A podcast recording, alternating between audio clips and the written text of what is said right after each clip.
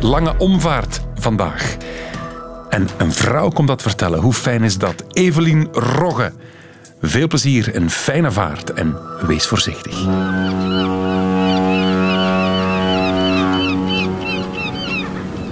Weet ik veel.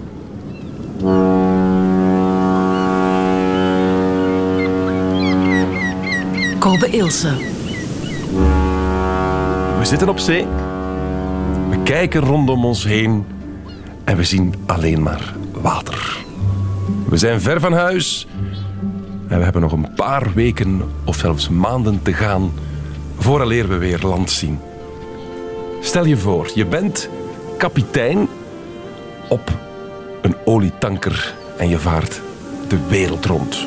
Of een gastanker of een containerschip. En je staat op de brug en je kijkt. Oh, hoe tof moet dat zijn? Wel, we kunnen het vandaag vragen aan onze gasten. Want vandaag de gast in Weet ik Veel is kapitein Evelien Rogge. Captain, goedemiddag. Mag ik gewoon Evelien zeggen? Jij mag dat. Dat mag. Ja. Ik moet niet mevrouw Nee, nee, of nee, captain of... Want hoe, hoe spreken ze je normaal? De bemanning, captain. Ja, captain. En ben je streng? Zeer streng. Oké. Dat belooft. Fijn dat u luistert en zeer welkom bij Weet ik Veel over Evelien, de kapitein. Weet ik veel. Zeg Adriaan, stel je eens voor, ik was een zeekaptein. Een witte pet stond op mijn hoofd en strepen op mijn jas. Ik stond dan bovenop de brug. Weet ik veel. Dan was ik kaptein Bas. Schip ahoy, hoi, hoi. Schip ahoy, hoi, hoi. Schip ahoy, hoi, hoi. Schip ahoy, ahoy. Voilà. Ook Bassie en Adriaan hebben het ooit gedaan, of hebben erover gezongen, over kapitein Lange Omvaart. Evelien Rogge, hoe lang doe je dat al? Twintig jaar. Al twintig jaar. Hoe word je kapitein? Want dat is toch een, is, dat is een kinderdroom toch van heel veel mensen. Hoe word je dat dan? Moet je naar school gaan, de kapiteinschool? Wellicht is dat een droom, ja. Ehm, dus eh, het is een universitaire opleiding. Die begint met ehm, een, eh, twee kandidaturen, twee licenties. Ja? Eh, de school is in Antwerpen, de Hogere Zeevaartschool. Ah ja, er in de, in de bocht van de Schelde. Ja, correct. Ja. Dat is een heel mooi gebouw. Prachtig gebouw. Art Deco Echt, gebouw. Ja, prachtig. ja, ja. zeker. Je kan er goed lopen ook, Eh, ja. langs de Schelde. En, ja, en er is een vijver. bon. Leer je daar roeien? Ja, absoluut. In de vijver? Ja, en ik heb het geluk gehad, toen, eh, toen ik begon, was er nog een school in Oostende. Een eerste Mhm. kandidatuur werd in Oostende gedaan. Dus de affectie met de zee was eigenlijk veel dichter. Ah. En dan leerden we op zee roeien. Wel, eerst in de havenheul. En als we echt goed waren, dan kon ik een klein stukje op zee gaan. Is roeien moeilijk? Dat je dat moet leren? Nee, nee, nee. Maar dat is ook niet meer zo relevant. Hè. Eh, Nee? Nee, dat is niet meer relevant. Vandaag de dag, al onze reddingsboten zijn gesloten reddingsboten. Ehm, voornamelijk omdat we op eh, gevaarlijke productenschepen varen. Dus eh, er, moet, er kan geroeid worden, maar dat is echt worst case scenario. Dus zo de, de beelden uit de film Titanic, waar... waar Maar ja, Titanic vanzelfsprekend, hun reddingsboten waren nog Toen open wel. reddingsboten. Ja, ja, Maar nu absoluut. niet meer. Nee, mijn reddingsboten hebben een motor natuurlijk. Ah, hè. oké, oké, oké, oké. Dus ehm, je gaat naar die school, je leert Ja. roeien. Leer je nog andere dingen? Heel veel. Het is een heel diverse opleiding. Dat is dus compleet in lijn met eh, het leven die je daarna gaat hebben. Hè. Dus, dus een super divers leven. Eh, dus de opleiding bestaat voornamelijk uit wetenschappelijke vakken. Dus dat is eh, wiskunde, fysica, scheikunde. Ehm, dat wordt aangevuld door talen. Ja. Nederlands, Frans, Engels, vanzelfsprekend. Engels is de, voer- de maritieme voertaal. Mhm. Spaans zelfs. Eh, in het laatste jaar is er Spaans. Ik denk dat Oké. nog altijd onderwezen wordt. Het is nu wel al een tijdje geleden dat ik weg ben. Dus er kan een kleine nuance op zitten. Dan wordt dat aangevuld met de pure nautische vakken natuurlijk. Sterrenkunde, zeevaart rekenen. En, eh, dan, Sterrenkunde, om te kunnen navigeren op ja, de sterren. absoluut. Ondanks het feit dat iedereen nu gefamiliariseerd is met de GPS en al de satellietsystemen, eh, worden de oude systemen nog aangeleerd. Want ehm, het is eh, heel makkelijk, ehm, niet voor mij, maar voor, eh, voor de autoriteiten die eigenaar zijn van die satellieten, om daar een fout in te steken. En dus ehm, dat is gebeurd ten tijde van de oorlog in Kroatië. Dat is nu het laatste dat ik mij kan, kan, eh, kan inbeelden. Uh, in de tijden van de oorlog in Kroatië hebben ze de kust volledig uh, in zwarte zone gemaakt. En daar was er dus geen GPS meer. Hè. Dus ze kunnen, ze kunnen er zeer makkelijk fouten in steken. En dan heb je een offset, dat kan van een paar centimeter zijn tot een paar mijl. Dus op dat moment natuurlijk moet je terugvallen op je backup systemen. Dus jij kan een schip van... Hoe, hoe lang is je schip? Uh, bijna 300 meter. Van 300 meter kan jij op basis van de polster, bij wijze van spreken, op, de, aan, op de juiste plek leggen? Dat is vrij relatief natuurlijk. Hè. Ik kan mijn schip op een correcte positie brengen. Op basis van de zon, op basis van de sterren, op voorwaarden als er zijn natuurlijk. Ja, ja, uh, maar dan zijn er ook nog uh, andere mechanismes. Hè, van zodra dat je dan op een punt komt dat dicht bij land is, dan ga je positie bepalen aan de hand van het land. Ah, nu, we moeten een kat een kat noemen. Vandaag de dag, alles is gebaseerd op de GPS. Vanzelfsprekend uh, zetten we onze posities op kaart, op een fysische kaart of op een elektronische kaart, op basis van de GPS. Maar... De oude systemen worden vanzelfsprekend nog aangeleerd. Je, je zei, de opleiding gaat dus uh, je voorbereiden op het leven dat je dan gaat ja, leiden. dus het is zeer, zeer, zeer divers. Ja. Uh, want um, we gaan geconfronteerd worden aan boord met eigenlijk een uh, micromaatschappij. Met hoeveel ben je aan boord? Ik ben met 32. Ah ja, oké. Okay. Mannen en vrouwen of vooral mannen? Um, momenteel is de balans nog altijd meer man dan vrouw. Okay. Maar we zijn daar veranderingen in brengen dat, is bezig, niet, dat, is ook, dat, is ook, niet relevant. Dat is, dat is een doorslag van de maatschappij en dat, dat zal verder zo doorslaan. Okay. Uh, dus um, het is een, eigenlijk een micromaatschappij. Dat wil dus zeggen dat we maar een aantal zaken van de wal aan boord nemen en al de rest zelf produceren. Dus uh, alles wordt zelf aan boord gedaan. Dus wat nemen we van de wal? Dat is dus voornamelijk voedsel. Om de drie, vier weken nemen we vers voedsel. Um, en um, eigenlijk ook um, fuel. Dus de brandstof waarop dat we varen. Ja. Niet noodzakelijk, want mijn schip bijvoorbeeld heeft daar eigenlijk geen behoefte meer aan. Ik heb dat enkel als backup, want ik kan varen op mijn lading, maar dat zal wellicht later nog ter sprake komen. Zwat, want dus, dat is een ja. brandstof op zich. Maar, ja. maar laten we even dus, bij die opleiding blijven. Dus je moet dan leren om met diverse dingen om te gaan. Ja, dus omdat dat een micromaatschappij is, heb ik geen dokter, ik heb geen tandarts, uh, ik kan niet naar de supermarkt, uh, ik heb um, geen psycholoog aan boord, ik heb geen kinesist, um, ik heb geen advocaat die kan consulteren. Dus al die zaken waarmee dan we later gaan effectief geconfronteerd worden, moeten in die opleiding zitten. Dus we hebben ook uh, logica, methodologie, dus uh, psychologie. Uh, dat zijn dan de humane vakken. Dan hebben we geneeskunde. Geneeskunde? En dat, ja, en dat is zeer doorgedreven, geloof mij. Dat Wat is kan nu? Um, ik kan zou... mijn blinde darm verwijderen? Wel, er is al, alle tijd de running gag geweest. Um, eigenlijk zou de kapitein de blinde darm moeten kunnen verwijderen. Nu, we weten allemaal, dat is onmogelijk. Maar we hebben wel een zeer doorgedreven opleiding. Die dus, en we hebben ook alles aan boord. Om een blinde darm te verwijderen? Eh, ja, maar ik, ik, ga daar nu niet aan beginnen komen. En ook niet aan weg, boord. Hij is al weg ook, dus... Ja. Oké, okay, goed. Uh, nu door die evolutie, om over die blinde darmen verder te gaan, gaan we opnieuw opleiding gaan volgen, de jaren die daarop volgen. En we gaan dus ook nieuwe impulsen krijgen en nieuwe ontwikkelingen krijgen. Dus een blinde darm is nu niet meer acuut. Elke dokter zal u nu kunnen zeggen, we kunnen nu wel twee, drie dagen laten liggen. Ah, ja. Dus dat impliceert natuurlijk dat ik al die medicijnen aan boord heb. En die zijn ook allemaal aan boord. Dus jullie hebben, jullie hebben een soort... Ik heb een hospitaal. Hospitaal. Ik heb een hospitaal. Um, dat is uh, op kleinschalig natuurlijk. Hè. Ik heb geen scanners en, en ik heb, kan geen radio's, radiografieën pakken en zo. Maar ik heb een hospitaal, dus ik heb de environment om daar iemand te leggen. Ik kan uh, instrumenten desinfecteren, ik heb de instrumenten aan boord. En ik heb ook een zeer uitgebreide dispensary. Dus een, um... En u bent dan, of jij bent dan de persoon die de breuk of de pols uh, die, die, die verzwikt is of ja. moet behandelen? Ja, ik delegeer dat wel natuurlijk. Want dus al de mensen, we gaan even terugkoppelen naar de opleiding dus al de mensen die de zeevaartschool hebben gedaan van het dekdepartement, hebben die opleiding gekregen. Ah, ja. Dus iedereen heeft de basis uh, EHBO gekregen. En dan de mensen van het dekdepartement hebben de doorgedreven opleiding gekregen. Wat heb je al nodig gehad in je, in je loopbaan qua medische dingen? Uh, uh, hechten is, ja... Naaien? Hechten, ja, dat is heel frequent. Is wat? Ja, ja, maar ik ben een beetje lui en ik gebruik heel vaak steristrips als het kan. En wat zijn steristrips? Dat zijn eigenlijk um, een soort plakkers die je kan gebruiken in oh, plaats ja, van... Nee, maakt niet uit. We plakken het wel. Maar een zeeman is geen doetje. Hè? als u het zegt. Als u het... Amputeren heeft u nog niet moeten doen. Nee, maar... Dat, dat zou gaat... kunnen. Dat zou kunnen. Eh, ik zou er toch liever niet aan beginnen. U moet ook weten, we hebben de medicijnen aan boord, maar ik heb een, een hulplijn natuurlijk. Hè. Um, Helikopters kunnen altijd wel komen. Uh, ja, ja, ja, ja. Daar hopen we natuurlijk op als we dichtbij zijn, maar we moeten wel in range zijn van die helikopter natuurlijk. Hè. In de Noordzee is dat niet zo'n probleem. De Sea King kan gerust bijspringen, de persoon eraf halen en naar een ziekenhuis maken. Maar in het midden van de Pacifiek, uh, of in het midden van de oceaan, gaat dat dus niet lukken. Dus dan staan we alleen voor. Maar we hebben hulplijnen. Dus er is um, een eh, radiomedisch advies mogelijk in, met Rome.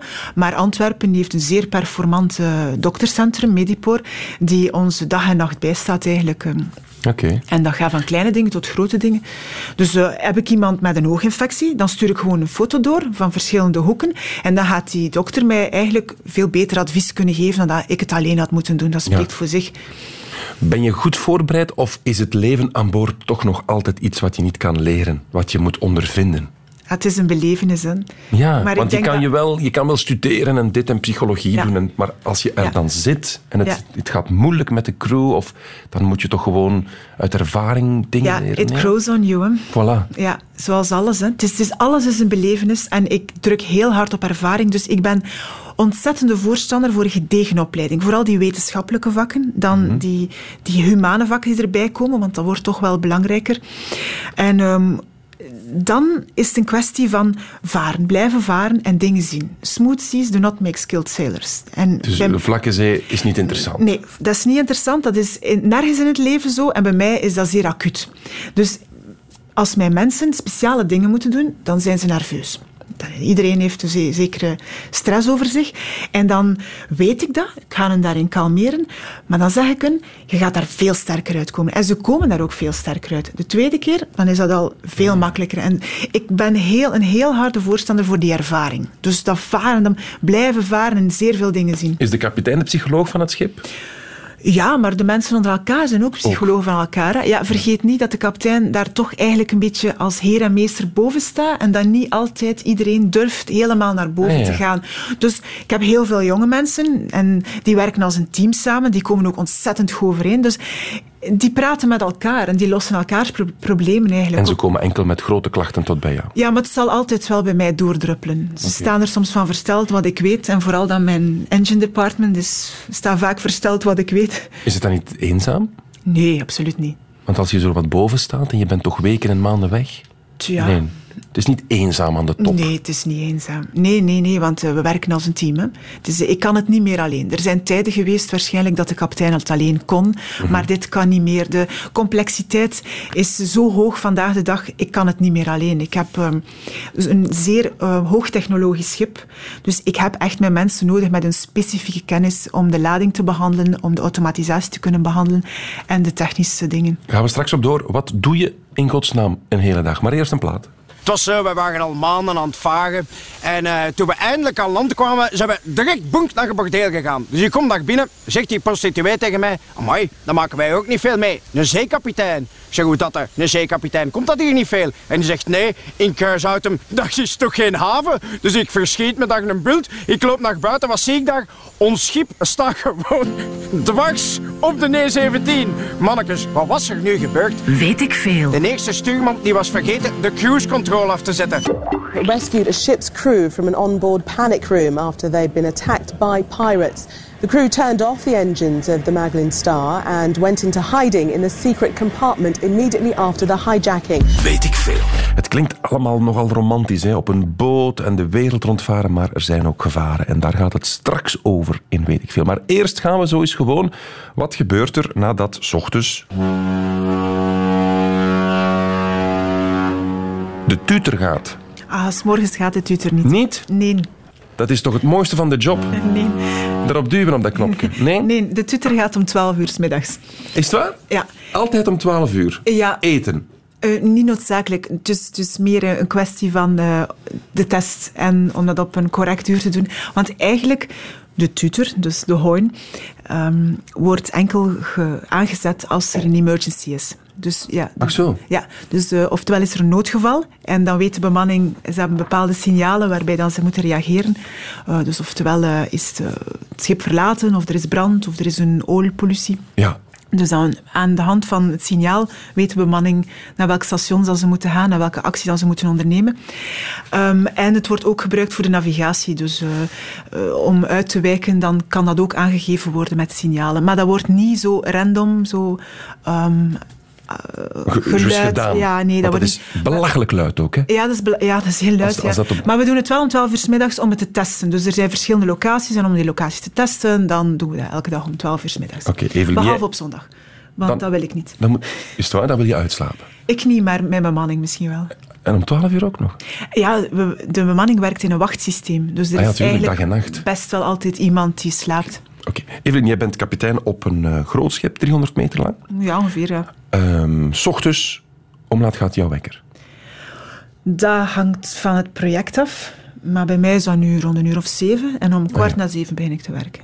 En wat is dat dan, beginnen werken? Wat, Eh. wat moet een kapitein doen op een boot? Ja, ehm, Wat doe jij, Hildertaal? ja. Wat Oei. doe, wat doe ik? Dat vraag ik mij elke, elke avond af en mijn dag is vol, vol, vol. Dus nee, eh, dat begint met... eh, als er niks speciaal is, zijn dat gewoon de, de mailsprocessen. dus... ehm, Dus je hebt internet. Ja, ja, ik heb, ja, vanzelfsprekend. Ik heb internet. Ja, ja. Dus eh, eerst gaat dat de rapportering zijn naar de eigenaar, naar de charter en naar mijn departementen. Dus van de vorige nacht, of van de vorige dag, van de Een laatste soort 24 uur. status. Ja, update. inderdaad. Ja, een- gewoon een update.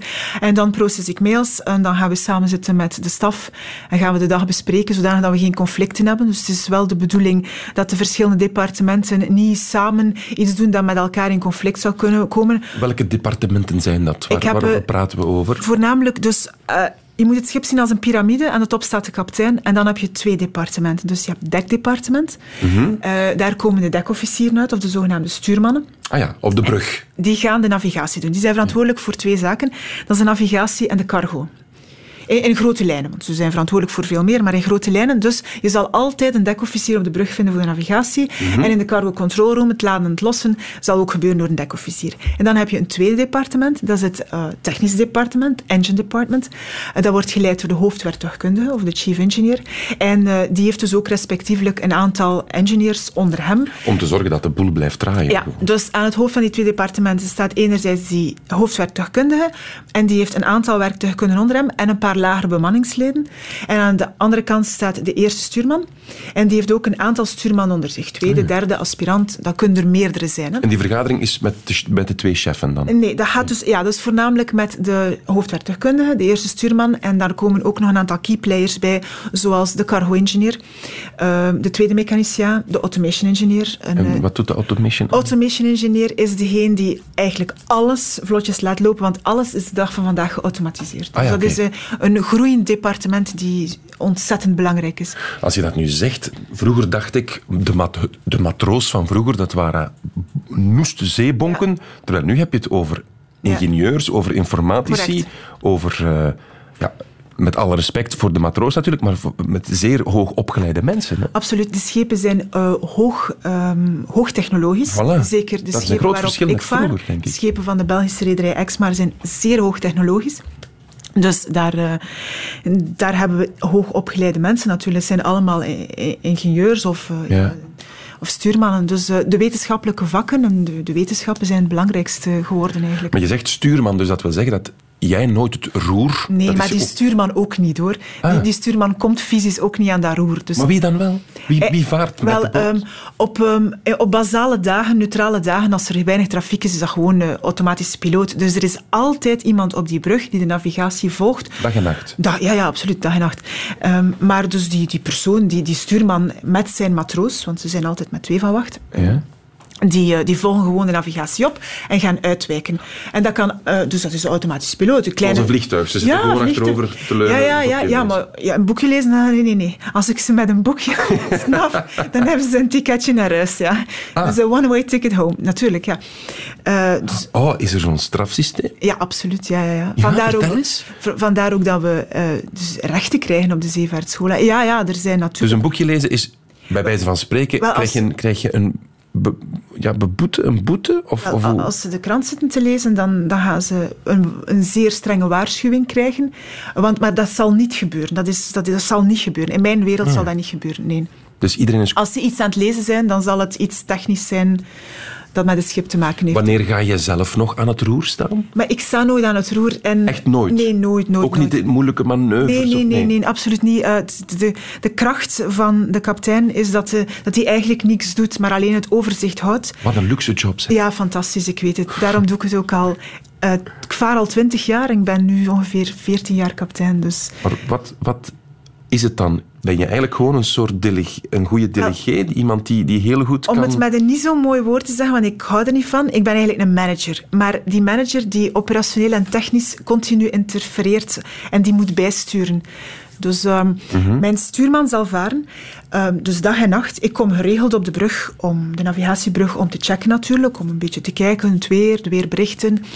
En ik zal op- altijd op de brug zijn op cruciale momenten. Dus binnen en buiten varen, dan neem ik het commando over. Dan gaat, maar ik ga nog altijd dat roer niet pakken. We gaan daar een matroos aan dat roer zetten, die dus de orders opvolgt. Maar, ja, en, en wat is Maar ik ga wel de orders geven.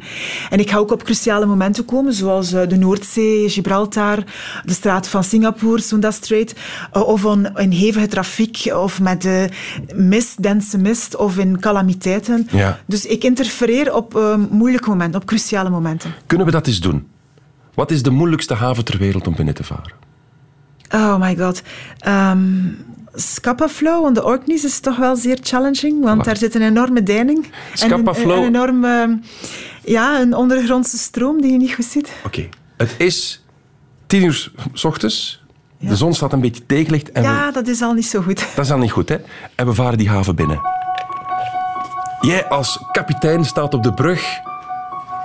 De matroos aan het roer. Waar let je op?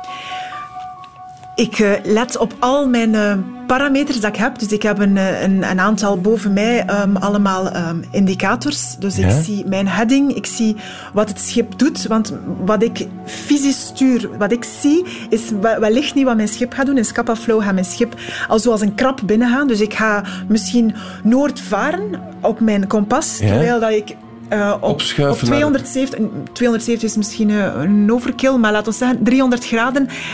Mijn schip 300 graden eigenlijk aan het doen is. Ah ja, want de, de deining van Ja. de zee duwt je Nee, ergens... de- ja, de stroom, de deining, maar vooral de, de stroom natuurlijk. Hè. Dus- En dan check je... Ja, want je wil niet tegen de muur zitten, hè? Nee, ik wil niet tegen de muur zitten. Dat zou En zeg je dan letterlijk tegen de matroos... eh, een beetje naar links, een beetje naar rechts? Gaat dat zo? Ja, een beetje bakboord, beetje stuurboord. Maar dat beetje dat moet zeer accuraat zijn. Dus er is nooit geen beetje bij ons. Dat is op poort 5, poort 10 en die gaat dat ook herhalen. Dus we, we werken in een positieve feedback loop. Ja. Dus als ik zeg poort 5, herhaalt hij poort 5. Want zodra dat zijn roer op poort 5 is, dan gaat hij ook zeggen poort 5. En wat is ik- poort 5? Dat is Bakboord 5.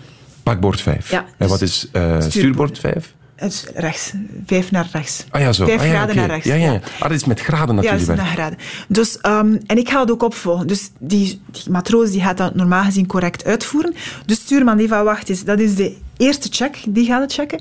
En dan ik ga dubbelchecken natuurlijk. En daarom zijn we ook met een aantal op de brug op cruciale momenten. Oké. En dan komt die muur dichterbij, want je hebt een plaatsje toegewezen gekregen en daar moet je parkeren. Eh, ja, maar eens dat ik binnen de muren ben, zou de stroom toch hopelijk moeten wegvallen en Ja. heb ik het iets gecomfortabel.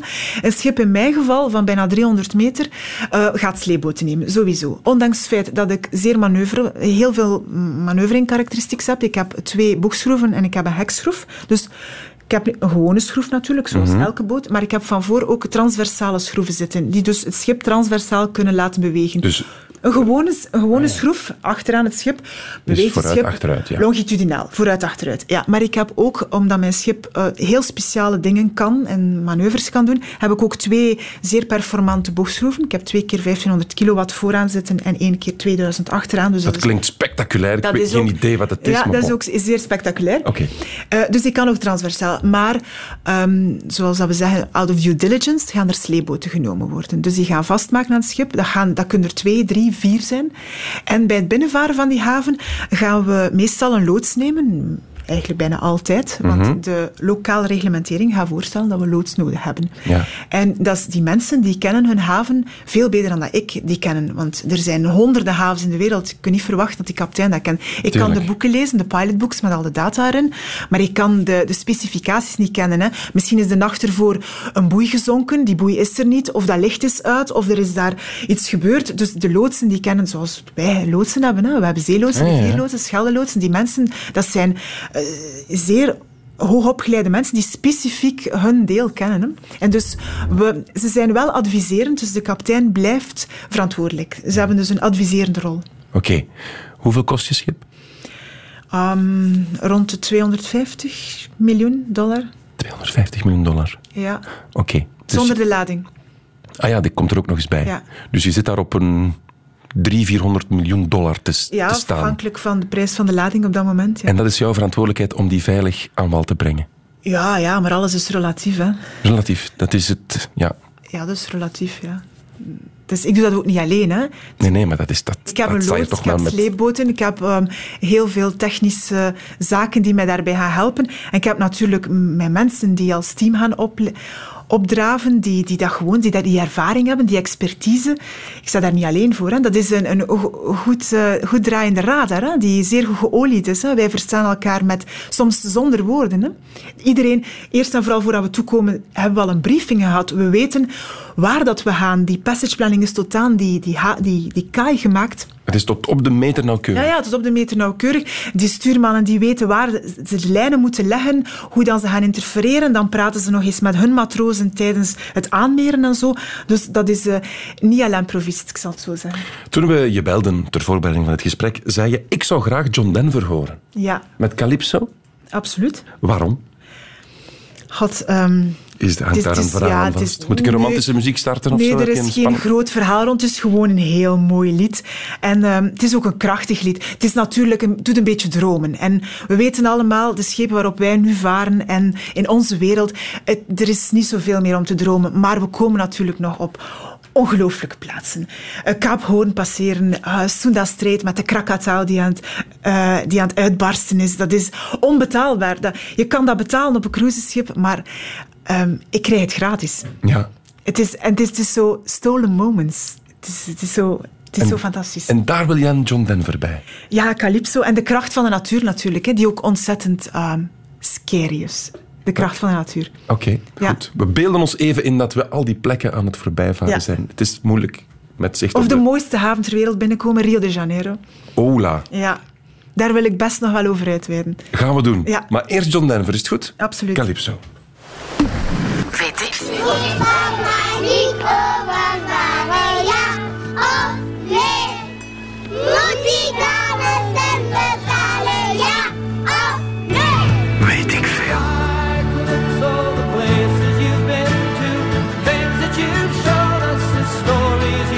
Weet ik veel over kapitein Evelien Rogge, de lange onvaart. Koos dit nummer, want doet haar denken aan de mooie plekken waar ze met haar boot voorbij vaart. Neem ons eens mee, Evelien, naar een mooie plek.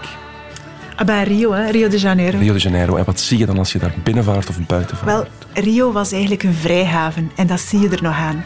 Dus eh, het is een eh, ex-Portugees gebied. Ja. En daar staat aan de rechterkant, als je binnenkomt, dus aan het stuurboord, staat nog een, eh, een wal eigenlijk. En daar moet je tussen. En dat lijkt ehm, zeer breed. Het probleem is dat er onder water een eh, patch ligt waar ik niet over kan. Dus je moet je eigenlijk tussen die patch wringen en die, en die muur. Ja? En die loods, dat is op zijn Braziliaans. Eh, yes, yes, I'm coming, I'm coming, you can proceed. Maar die loods, dat wil zeggen, hij is nog zijn ontbijt aan het nemen in de bar. eh, Ah. ja. En dus die loods, die is een beetje te laat. En dus op een zeker ogenblik kom ik op een point of no return. Dan moet je dus zelf binnenvaren. En dat is wel machtig natuurlijk. Zie je dan Christo staan ook? Zo? Ja, dat is de andere. Dus aan bakboord en stuurboord heb ik dus de muur. Aan bakboord vlak naast mij heb ik de patch die, waar dan we rondvaren. En aan de bakboord verder staat dus eh, Sugarloaf. Dus de, die, die scheve rots. En daarboven staat die, die Christus. Hè. En dat is fantastisch. Goh. En dan mag je binnenvaren. Dan kom je in een baai, Guanabara Bay. Kom je onder een brug en daar gaan we ons ding doen. Daar doen we ook zeer spectaculaire dingen. We verhassen daar ook. We hebben daar... ehm, permanent een schip liggen. Ehm, en dan buiten varen, dat is dan eigenlijk het mooiste. Een vriend van mij die heel veel cruises doet, die zei... Ik ben met de Queen Mary vlak naast Sugarloaf gevaren en ehm, normaal gezien nemen wij altijd de route daarnaast. Dus de, de route naast Sugarloaf is de diepwaterroute. En die loods zegt, Captain, which one you would like to have? Ik zeg, I'm gonna take the one next to Sugarloaf. Dus dan kun je eigenlijk zelf beslissen. Het was ook de diepwaterroute, dus volledig veilig. En dan passeer je eigenlijk rakelings langs die Christus en langs die Sugarloaf. En kom je heel dicht bij ehm, Copacabana eigenlijk. Hè. Hola. Ja, ja, ja, absoluut. En dat is eigenlijk zo machtig. En het punt is, het is gratis. Het komt er gewoon bij. Je wordt er zelfs dik voor betaald. Eh, Het, het, is, het, is, het is zo mooi. En het is, het is zo mooi. Je hebt dan net iets heel mooi gedaan ook met je bemanning. Je hebt eh, die lading daar afgegeven en je hebt een succesvolle operatie gedaan. Dus daar kun je wel wat op teren. En dan heb je die, die, die schoonheid rondom u toch wel op een unieke plaats. Hè? Mooi. Als je het vertelt, je bent er helemaal terug. Ja, Jammer dat het radio is vandaag. Eh, ja. Want je straalt als je het vertelt. Ja, want er zijn nog mooie dingen dat ik gedaan heb ehm, op een zeker ogenblik. Moest ik kiezen of ik neem Singapore Strait of Sunda Strait. En, ehm, Wacht, waar zijn we nu? in ehm, Azië. In Azië. Singapore. Singapore. Singapore is een zeer druk bevaren gebied. Ja? En dat heeft zijn voordeel. Daar kan je vertragen en eten aan boord nemen. Ehm, daar kan je bunkeren en zo. Dus daar kan je bemanning wisselen. Dat is allemaal zeer handig.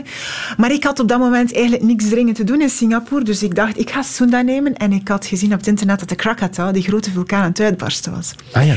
Dus ik heb Sunda Strait genomen. En, eh, Ah, je, je hebt zelf de keuze om te zeggen, ik ga langs daar varen. wel, ja, beide hebben een voor- en een nadelen. Dus Sunda Strait was iets korter en ik kon de Krakatau zien. Maar het is ook zeer moeilijk qua navigatie. Het is, eh, het is een plaats waar de kapiteins niet graag komen, want dat vreet een paar jaar van je leven. Er is er, het is heel smal, het is heel kort en het zit vol met trafiek.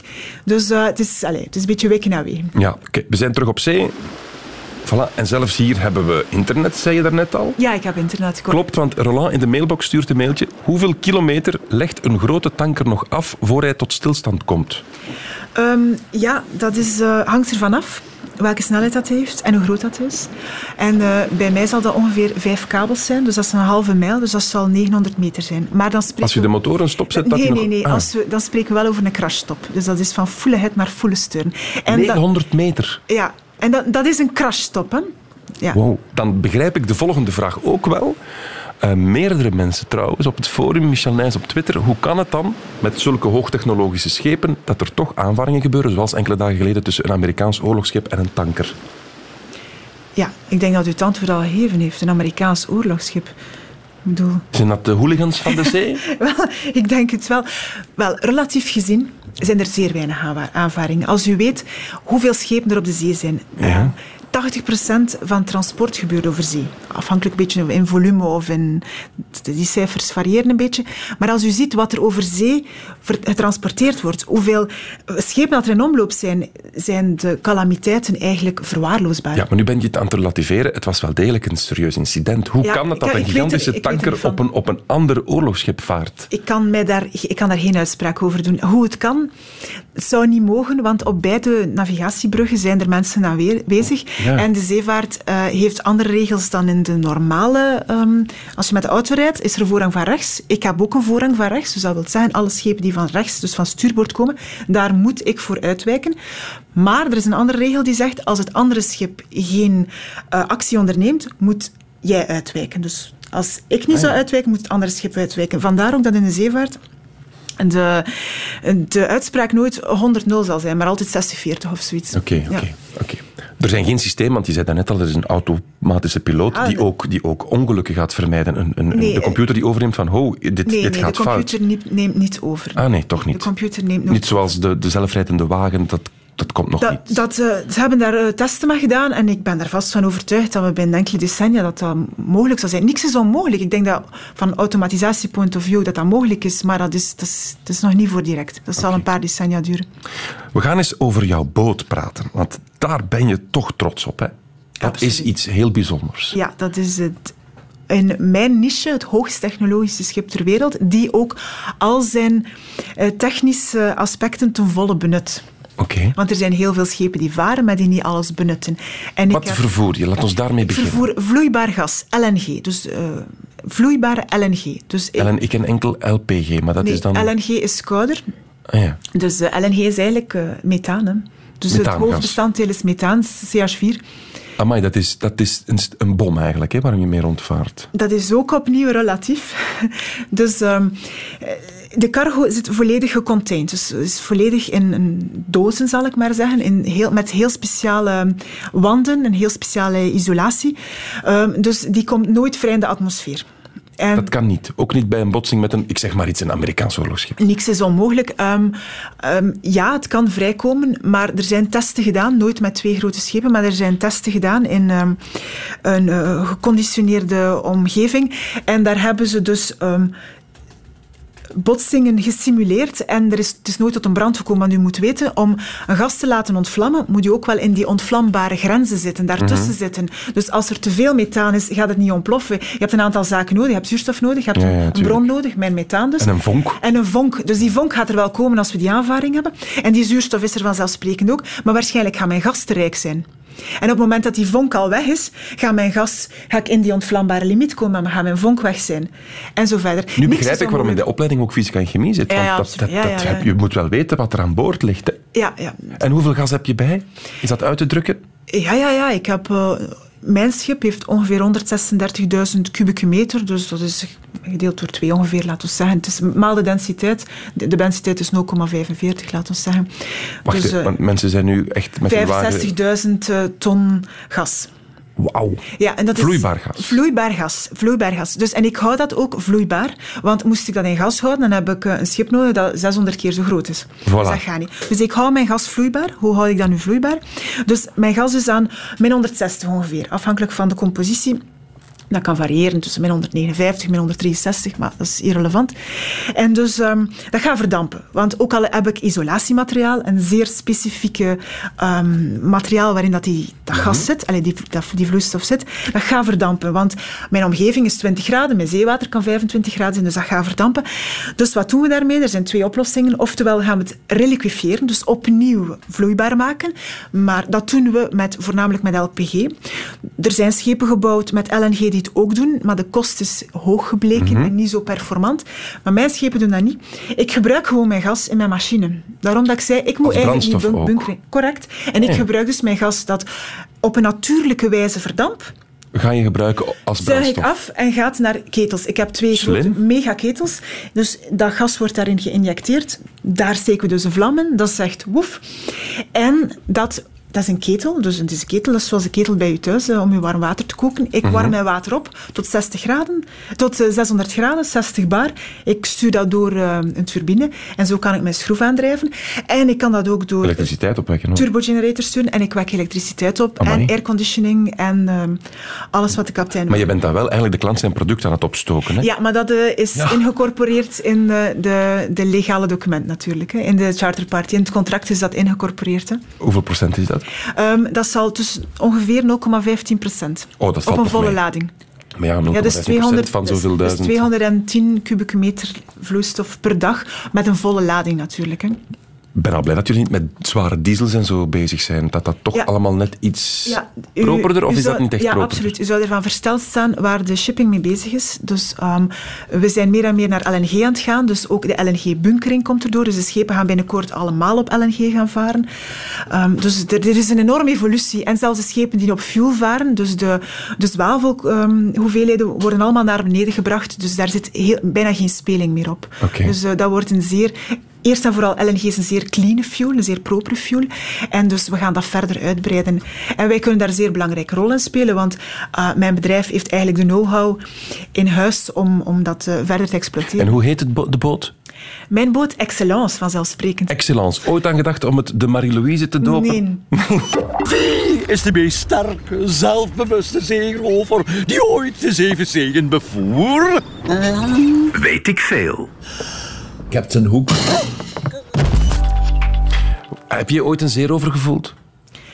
Gevoeld niet, gezien wel. Gezien, je hebt piraten en zo aan het werk gezien. Ja, um, geruime tijd geleden hebben we, maar dat is heel lang geleden, ik was nog eerste stuurman, hebben we in Jakarta eh, piraten gehad, maar dat waren meer dieven. Maar uh, die hebben uh, een aantal zaken aan boord gepikt voordat we ze gespot hadden. En um, de Golf van Aden natuurlijk en de Golf van Guinea zijn uh, zeer precaire ja, ja, ja. locaties. Dus in de Golf van Aden, dus, dus een tijdje geleden, dan uh, ging ik erdoor met het zusterschip van hetgeen waar ik nu door zit. Dus uh, gelukkig, dat zijn heel snelle schepen. Uh, heel grote schepen. Ja, maar als ik even mag onderbreken. Wat zoekt een piraat? Gas te pikken. Dat dat, dat, Nee, is, dat gaat toch het, niet? het ging hem niet om het gas, hè. het Ah, gaat om het schip. Hè. Ah, het schip. Ja, ze kapen dus om eh, ransom, hè, om eh, losgeld. Ja, correct. Ah. Dus eh, op een nacht, eh, het was rond één uur s'nachts, belt de stuurman van Wacht mij. We hadden natuurlijk alle maatregelen waren getroffen. We vaarden ook in het konvooi dat uitgezet werd door, de, door het leger. Mhm. Eh, we hadden overal prikkeldraad rond het schip. Eh, alles is afgesloten. We hebben een safe room, zoals dat we daarnet hoorden in een van die spotjes. Eh, maar de mensen slapen natuurlijk gewoon in hun bed. En die safe room wordt enkel gebruikt als er piraten Ah, aan boord zouden komen.